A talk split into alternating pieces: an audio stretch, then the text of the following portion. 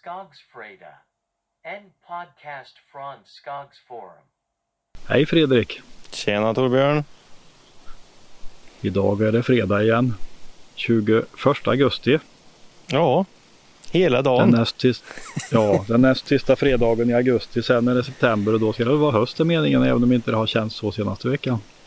Nej, fruktansvärt fin sensommar. Fint det har sensommarväder. det varit. Varmt och gott har det varit. Men, ehm, nej, men jag, jag är ute i skogen där jag brukar vara uppe eh, utanför Jönköping här med lite lövskog och så. Det ändrar liksom karaktär för det luktar lite annorlunda. Det börjar på att se, det torkar en del gräs och sådär så att eh, det är på gång. Ja, Det är det. Vart är du någonstans? jag är i rabarberodlingen. Du är rabarberodlingen. Ja, nej, jag tog en sväng. Det var länge sedan nu. eh, Tog en sväng till hängnet. Vårt Ja. lövskogsprojekt. Ehm, Det är jag nyfiken på också hur det ser ut. Det var länge sedan jag var där. Ja, men det var ju det var ju faktiskt rätt länge sedan jag var här också om man ska vara riktigt ärlig. Så det var kul att komma Ja. hit nu. Det har hänt Hänt. en hel del. Det har det. Vad, vad, du får berätta vad du, Ja. hur det går för våra plantor. Ehm, nej men eh, generellt sett så kan jag nog säga att det går bra. Det går eh, väldigt Ja. bra. Vi har, eh, det känns som att de har ju stabiliserat sig här nu under, under sommaren och ehm, ja, ett bra exempel kan vara hästkastanj. Den formligen har exploderat. Det är liksom som du har satt en kinapuff i toppen på den och så har den liksom bara sprängt ut blad.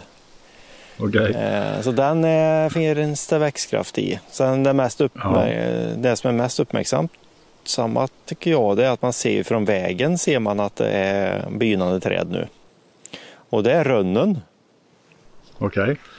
Som var cirka 40 centimeter när vi plantade den och den är väl 1,50 nu i höjd. Oj, oj, oj. Eh, Tänk vad den kan växa när inte rådjuren äter upp den. Ja, rönn var det tryck i. Men då jag lämnat det bästa till sist. För jag Ja. eh, hittade precis vad jag tror är rekordet här nu. Okej. Eh, det är i norränden på ägnet där så har vi en eh, självstådd asp då, eller ja, från rotskott. Rotskott, ja just det. Ja, rotskott. Eh, 2,05. Den går över 2,05. stängslet. Okej. Så här kan älgen äta asp om man vill nu. Okej. Ja, han får hänga över stängslet om han når upp två meter, men det gör han kanske. Ja, men den står precis vid stängslet så den når där. Ja, okej. Eh, men det är ju helt makabert. Vilken biomassaproduktion. Över två meter. Hur, grov, hur grov är den med roten? Ja, estimerar till cirka 3 centimeter. Ja. Och börjar Ja, bli förvedad nu. Det syn- syntes ju tidigare i sommar här att man kan, när man tryckte på stammen så, så var den ganska mjuk. ja. Nu ändrar den färg och så är den hårdare. ja. Så nu sker det ju förvedning i det här projektet också. Så menar kontentan är att vi hade inte behövt köpa några plantor direkt med stängslet eller? Ja, om vi vill ha haft asp så. Ja.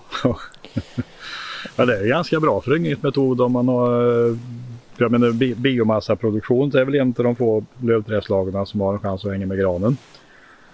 I volym om man nu pratar det för att eh, det finns ju sådana försök och det, det producerar ju aspen mer virke än vad granskogen gör på bra marker. Ja, Eh, hybridaspen men eh, det här är nog inte kanske så långt ifrån heller. Men växer den två meter på en växtsäsong så det, det blir, då blir det produktion. ja det blir en hejdlös produktion blir det. Ja. Eh, jag har nog aldrig sett något träd som, eh, som har startat så här. För, Nej. Det här är det värsta jag har sett tror jag. Så det är otroligt kul alltså.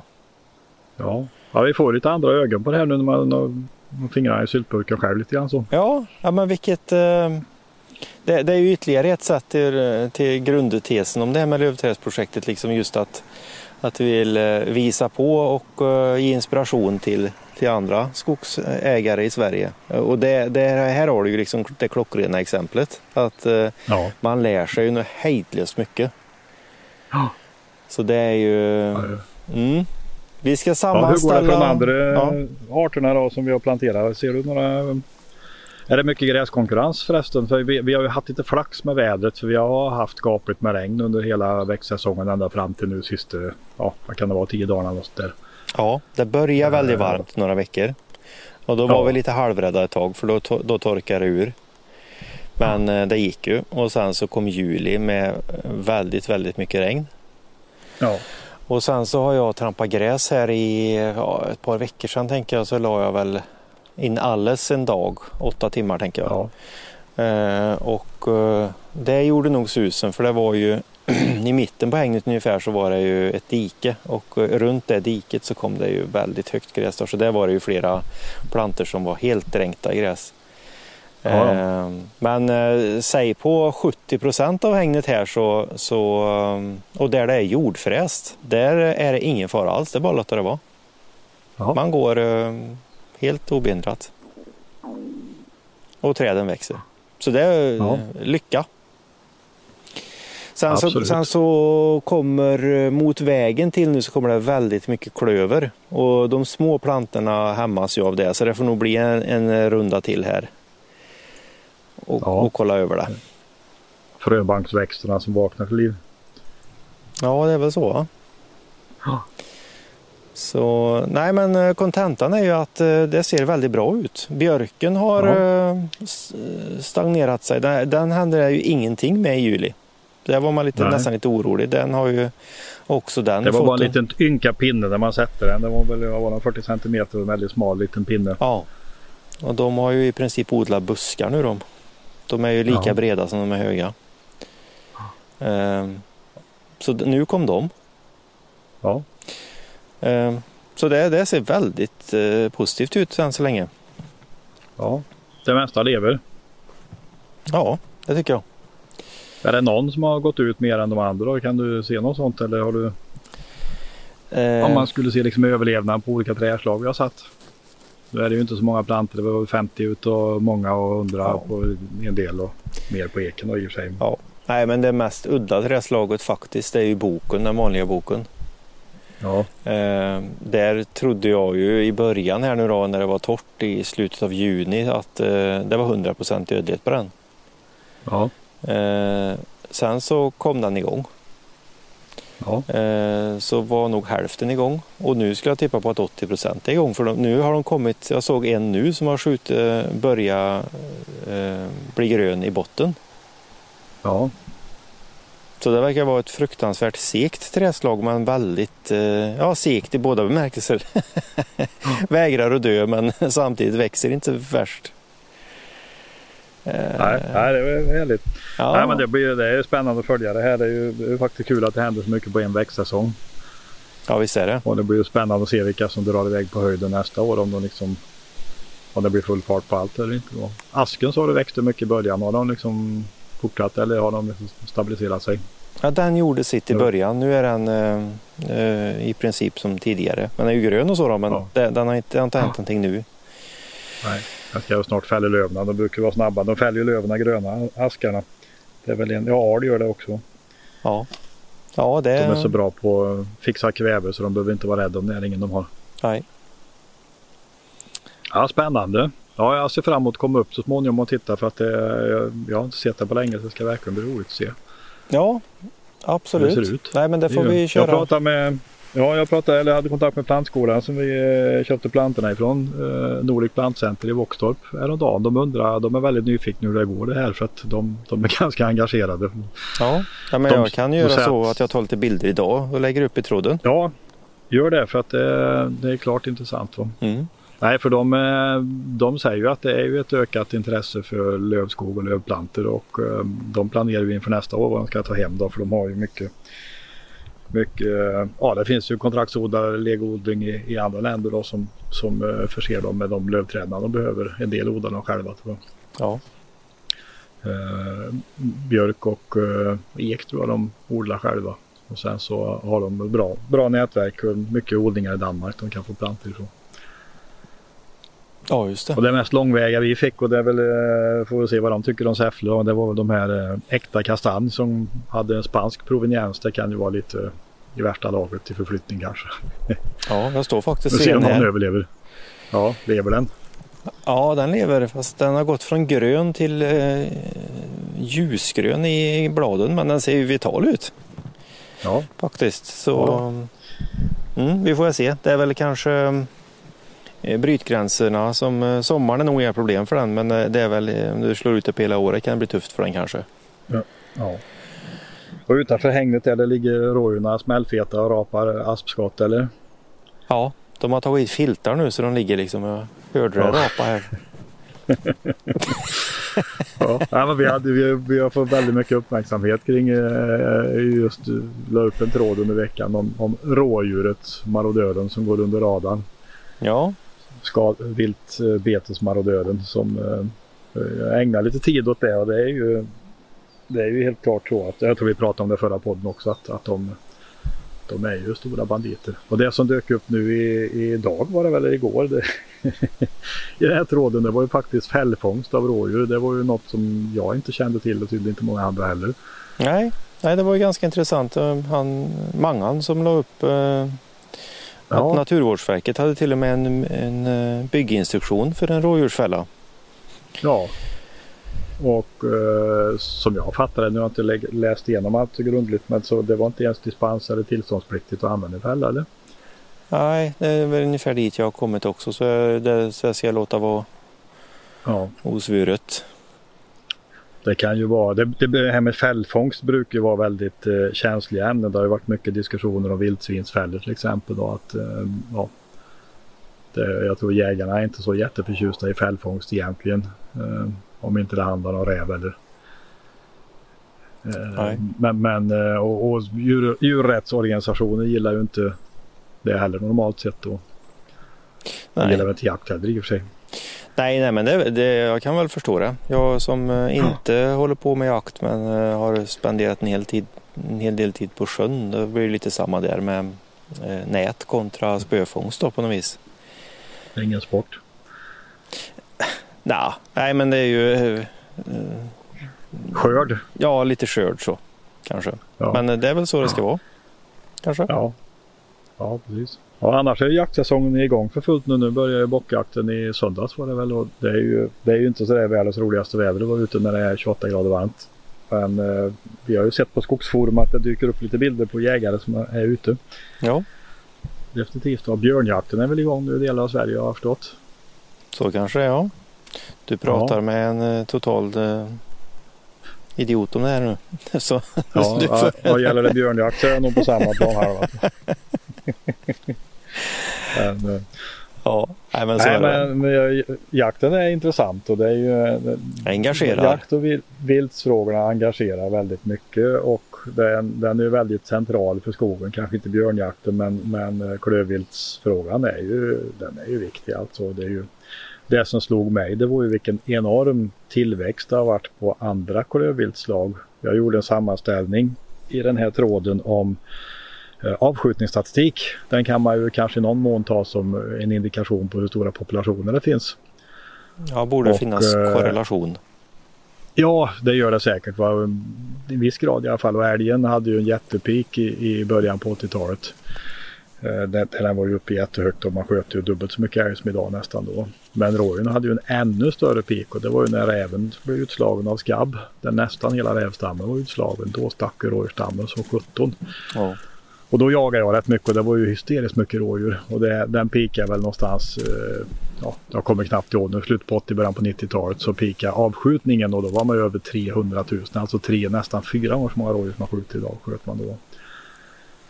Ja. Och lite tesen, kontentan som jag hade i den här tråden också, det var ju att eh, annan klövvilt, vildsvinen framför allt, de äter ju inte, betar ju inte skog kanske men de skapar andra problem. Men, men vildsvin och hjort konkurrerar om jägarnas tid. Alltså jägarna hinner inte skjuta så mycket rådjur som man gjorde förr. Så att avskjutningen på rådjur har sjunkit. Men vildsvinen har ju gått ifrån nästan ingenting till 100 000 grisar per år man skjuter då. Mer än 100 000 per år.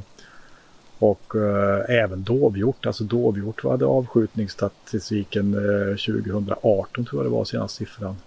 Eh, 50 000. Alltså hälften så mycket som rådjur skjuter man hjort redan då. Och det skrev till och med Jägarförbundet att eh, många jaktlag har flyttat över jakttrycket mot vildsvin och hjort. Eh, Mm. och att avskjutning på rådjur har minskat. Så det kanske är en del i, i, i problematiken också. Så att eh, Ja, det skjut mer rådjur. ja, och ett och annat shetlandsponny. Ja, herregud. Ja, Det var ju också Det får vi nämna. Ja, det var ju väldigt tragiskt. Ja, det var det ju. Eh, Ja, tog fel på vildsvin. Trodde det var vildsvin, sköt två shetlandsponnys. Det Ja. blev ju en liten snackis. Vi la ju upp en nyhet om det. Det var väl Ja, det gjorde det. Och det är svårt att förstå hur det, hur det kan gå till. Men tydligen hade de rymt den där. För det var ju inte i sin hage utan det var ju någon annanstans. Där det, där det också var vildsvin tydligen. Också.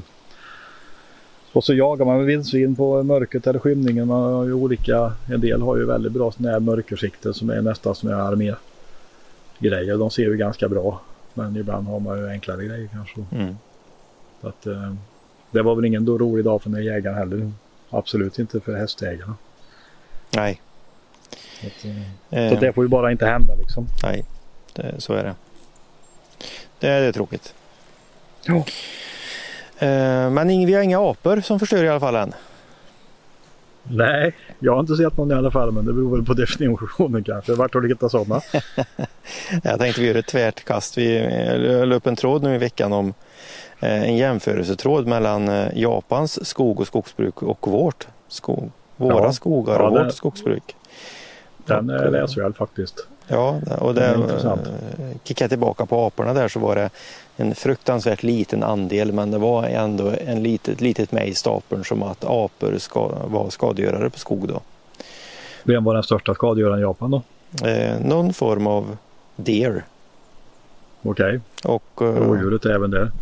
ja, jag vet inte om det är rådjur. Eh, det är alltid svårt med definition mellan engelska och sådär men eh, hur klassar du deer rent generellt? Ja, ja, jag tänker väl gjort mer. Om inte det är skogsmaskin då, men det är något annat. Det.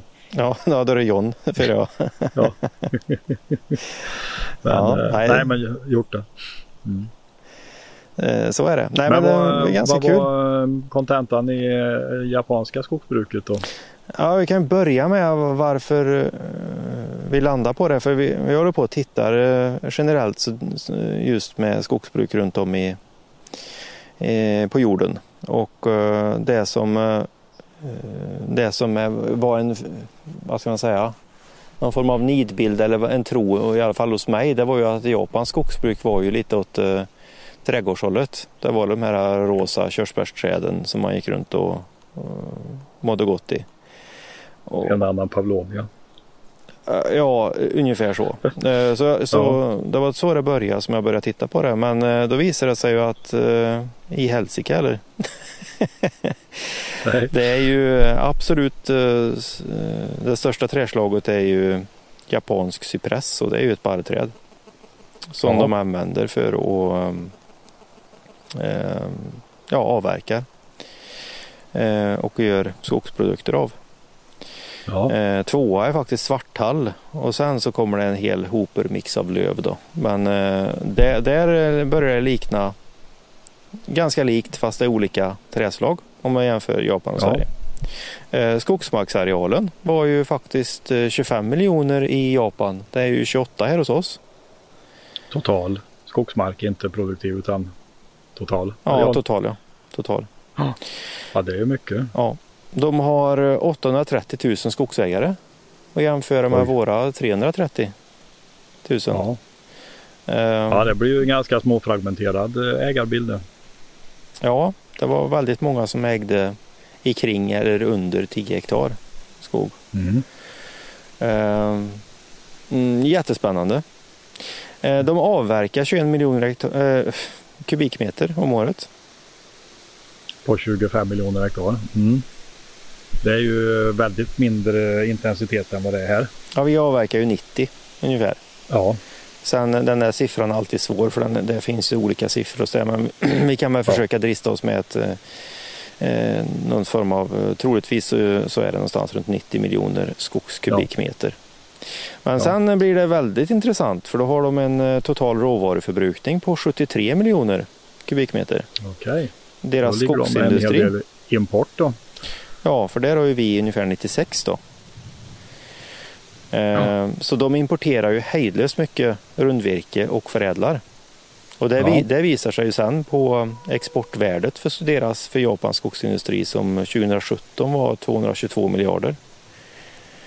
Okej, det låter mycket. Vad vi pratar om 100 miljarder någonting här i Sverige eller vad säger vi? Ja, skogsindustrierna säger 149. Ja, exportvärdet då, Mm. nettoexport. Så det är ju per kubikmeter så har ju Japan ett exportvärde på över 3000 kronor per kubiken. Och vi Ja, har ju och en stor- hälften. Och en stor eh, skogsindustri, någon form av träindustri kanske eller? Ja, det är ju väldigt mycket trä. Ja. Eh, Jag tror de hade 3000 sågverksföretag va? eller sågverk. Ja. Eh, Ja, sen köper de ju utöver att de köper mycket rundvirke. De importerar nog mycket från eh, Stilla havsregionen och Asien kanske. Men de, eh, de köper ju mycket trävaror också. ja, Nordiska sågverk har ju exporterat. De, om inte jag är helt fel underrättad så är ju de, de köper ju de bästa kvaliteterna. Så de är grästa kunder. De köper höga kvaliteter. ja, hög kvalitet brukar ju rimma med ordet Japan på något vis. Ja. Oavsett vad det gäller. Mm. Så det är ju ganska intressant. Ja, Så det är det- intressant. Och, ehm, häftigt att ha så stora virkesförråd. då. Ja, men visst är det. Och sen så har de ju, det är ju det är också ganska intressant att ta upp i podden tycker jag också att eh, vi pratar ju alltid bruttotillväxt här i Sverige i skogen, Ja, virkesförrådet. Och bruttotillväxt det är ju liksom bara växer. Eh, och då Mm. räknar vi ju inte vad mycket som dör och vad mycket som avverkas. Eh, och där ligger de, skulle jag, på hektaret så ligger de, det är ju samma som Sverige ungefär. De har ett bruttotillväxt på 100 miljoner kubikmeter per år och vi har 115 ungefär. ja, ja. Men det som är kul sen, det är ju nettotillväxten. Det är ju alltså Mm. vad, vad de bygger in i skogen varje år. Hur mycket skogen växer. Vad som, blir kvar. Vad som är kvar i skogen efter ett år. Ja. Ja, och där har de närmare 70 miljoner kubikmeter växer in per år i Japans skogar. Det ligger vi i under 10 år. ja, snacka om kolsänka. Ja, absolut. Och det viktiga i det också, förutom att det är ju att jag tycker att det, du kan ju se det som en investering faktiskt. Eh, också. Bygger upp en framtidsresurs. Ja, du bygger ju in pengar i skogen genom att låta det stå också. Ja. Eh, mm. Nej, men lite intressant. Det finns mer information också. Det fanns gallringsdata faktiskt till och med. Så de gallrar ju en halv miljon hektar per år och, och snittar på 20 kubikmeter per hektar i uttag. Ja, ja det låter som en eh, försiktig, Ja, det är nog motormanuellt. försiktigt skogsbruk. Ja, Ja. Nej men det är intressant. Nej, jag, jag, eh, jag hade varit i Japan. Det skulle vara kul att åka dit någon gång för det skulle vara intressant. Jag har varit i Korea och åkt runt lite grann några gånger och där eh, det fascineras jag av skogen för jag såg liksom inga tecken på något aktivt skogsbruk. Det fanns inga virkeshögar, inga virkesbilar, inga avlägg. Ehm, så jag tittar lite grann på det nu när du la upp den här tråden om Japan. Mm. Och då är det ju så att Japan var ju fram till andra världskriget en ganska brutal kolonisatör. I klass med de västeuropeiska länderna i princip. Mm, mm. Och eh, Korea var ju under japansk eh, överhöghet. Där. Det, var ju, det var ju koloniserat av japanerna mellan ja, tidigt 1900-tal fram till eh, andra världskriget. Och då rensade ju japanerna koreanska skogen. Så det kan vara en förklaring att de har mycket kvar själva. Att de, de hade skog på annat håll som var lättare eller billigare. Eller så de, de skövlar ju av skogen i koreanska halvön där och sen så efter Koreakriget så försvann det sista. Så det stod det att efter Koreakriget så var det 5 kubikmeter per hektar i snittförråd i Korea. Mm.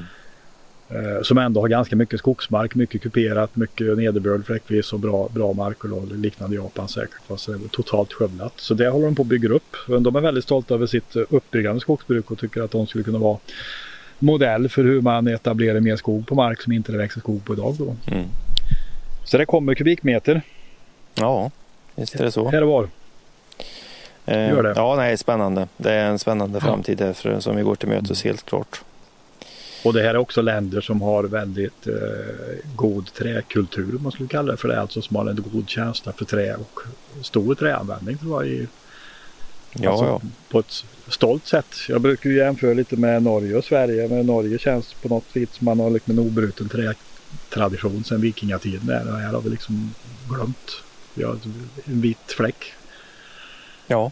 Eh, nu försöker man återupptäcka eh, Och då Träet. pratar du mm, i princip sågat naturligtvis.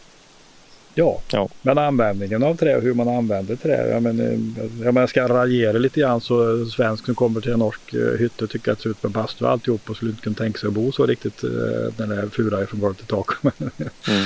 men ehm, det går att göra det på olika sätt. Kommer du till Japan till exempel så är det väldigt eh, trädanvändning och, och snygga, snygg design på något sätt. Och det kanske kommer mer ett sånt också.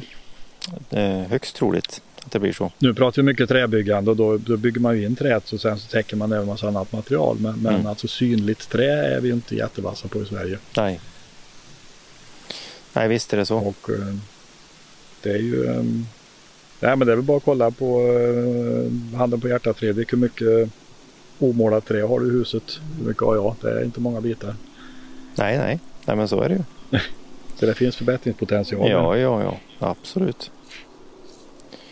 Men här är vi mycket intressant på spåren när det gäller trä. För det, det, här finns det att diskutera framöver. Det tror jag vi kommer ägna en hel del tid åt.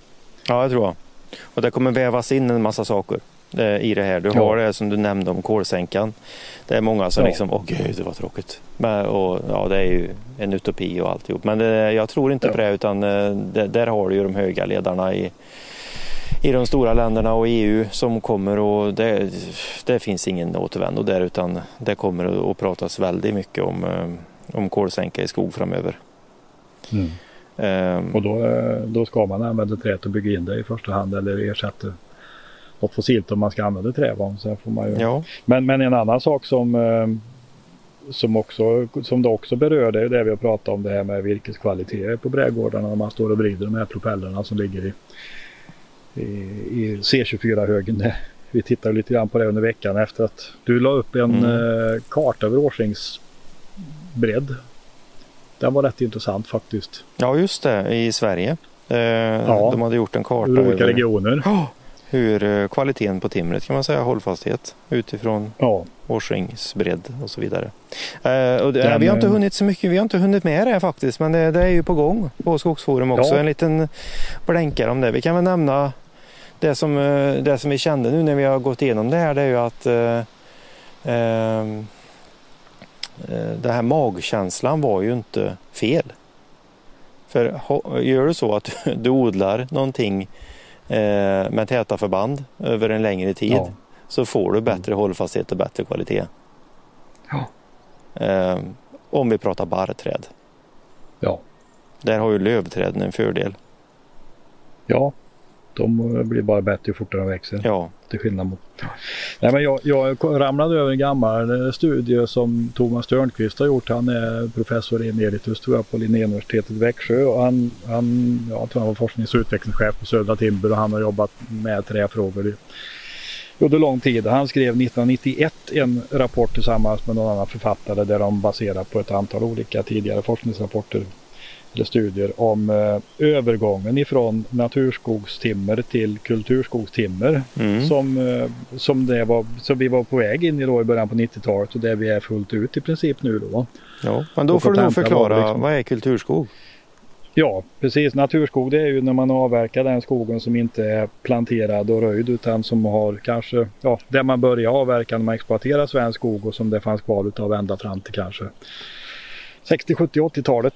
Mm. Eh, sen den skog som avverkas nu den är ju odlad, den är ju planterad och röjd och eh, den har kommit till i enhetligare bestånd framför allt Ja. Och, än vad skogen fanns förut. och den het, det kallas då kulturskog.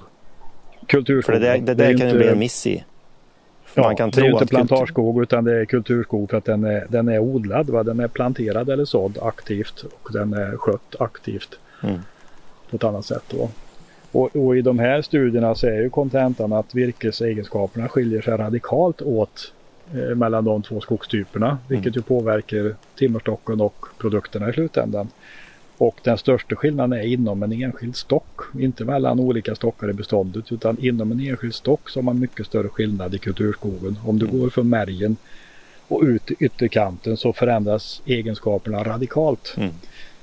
Och där är då årspring, årsringsbredden ett indirekt mått på kvaliteten om man nu tar kvaliteten i styrka, hållfasthet, eh, formstabilitet. Då. Mm. Men det som egentligen handlar om det är ju juvenilveden de första 15-20 åren. Där blir det skitved. Mm. Och ju större den cylindern med juvenilved är i en stock desto sämre skit Mm. eh, är det i hållfasthet och formstabilitet. Då. Ja. Och formstabiliteten det är ju det som gör att det vrider sig. Som en kolmask på bygghandeln.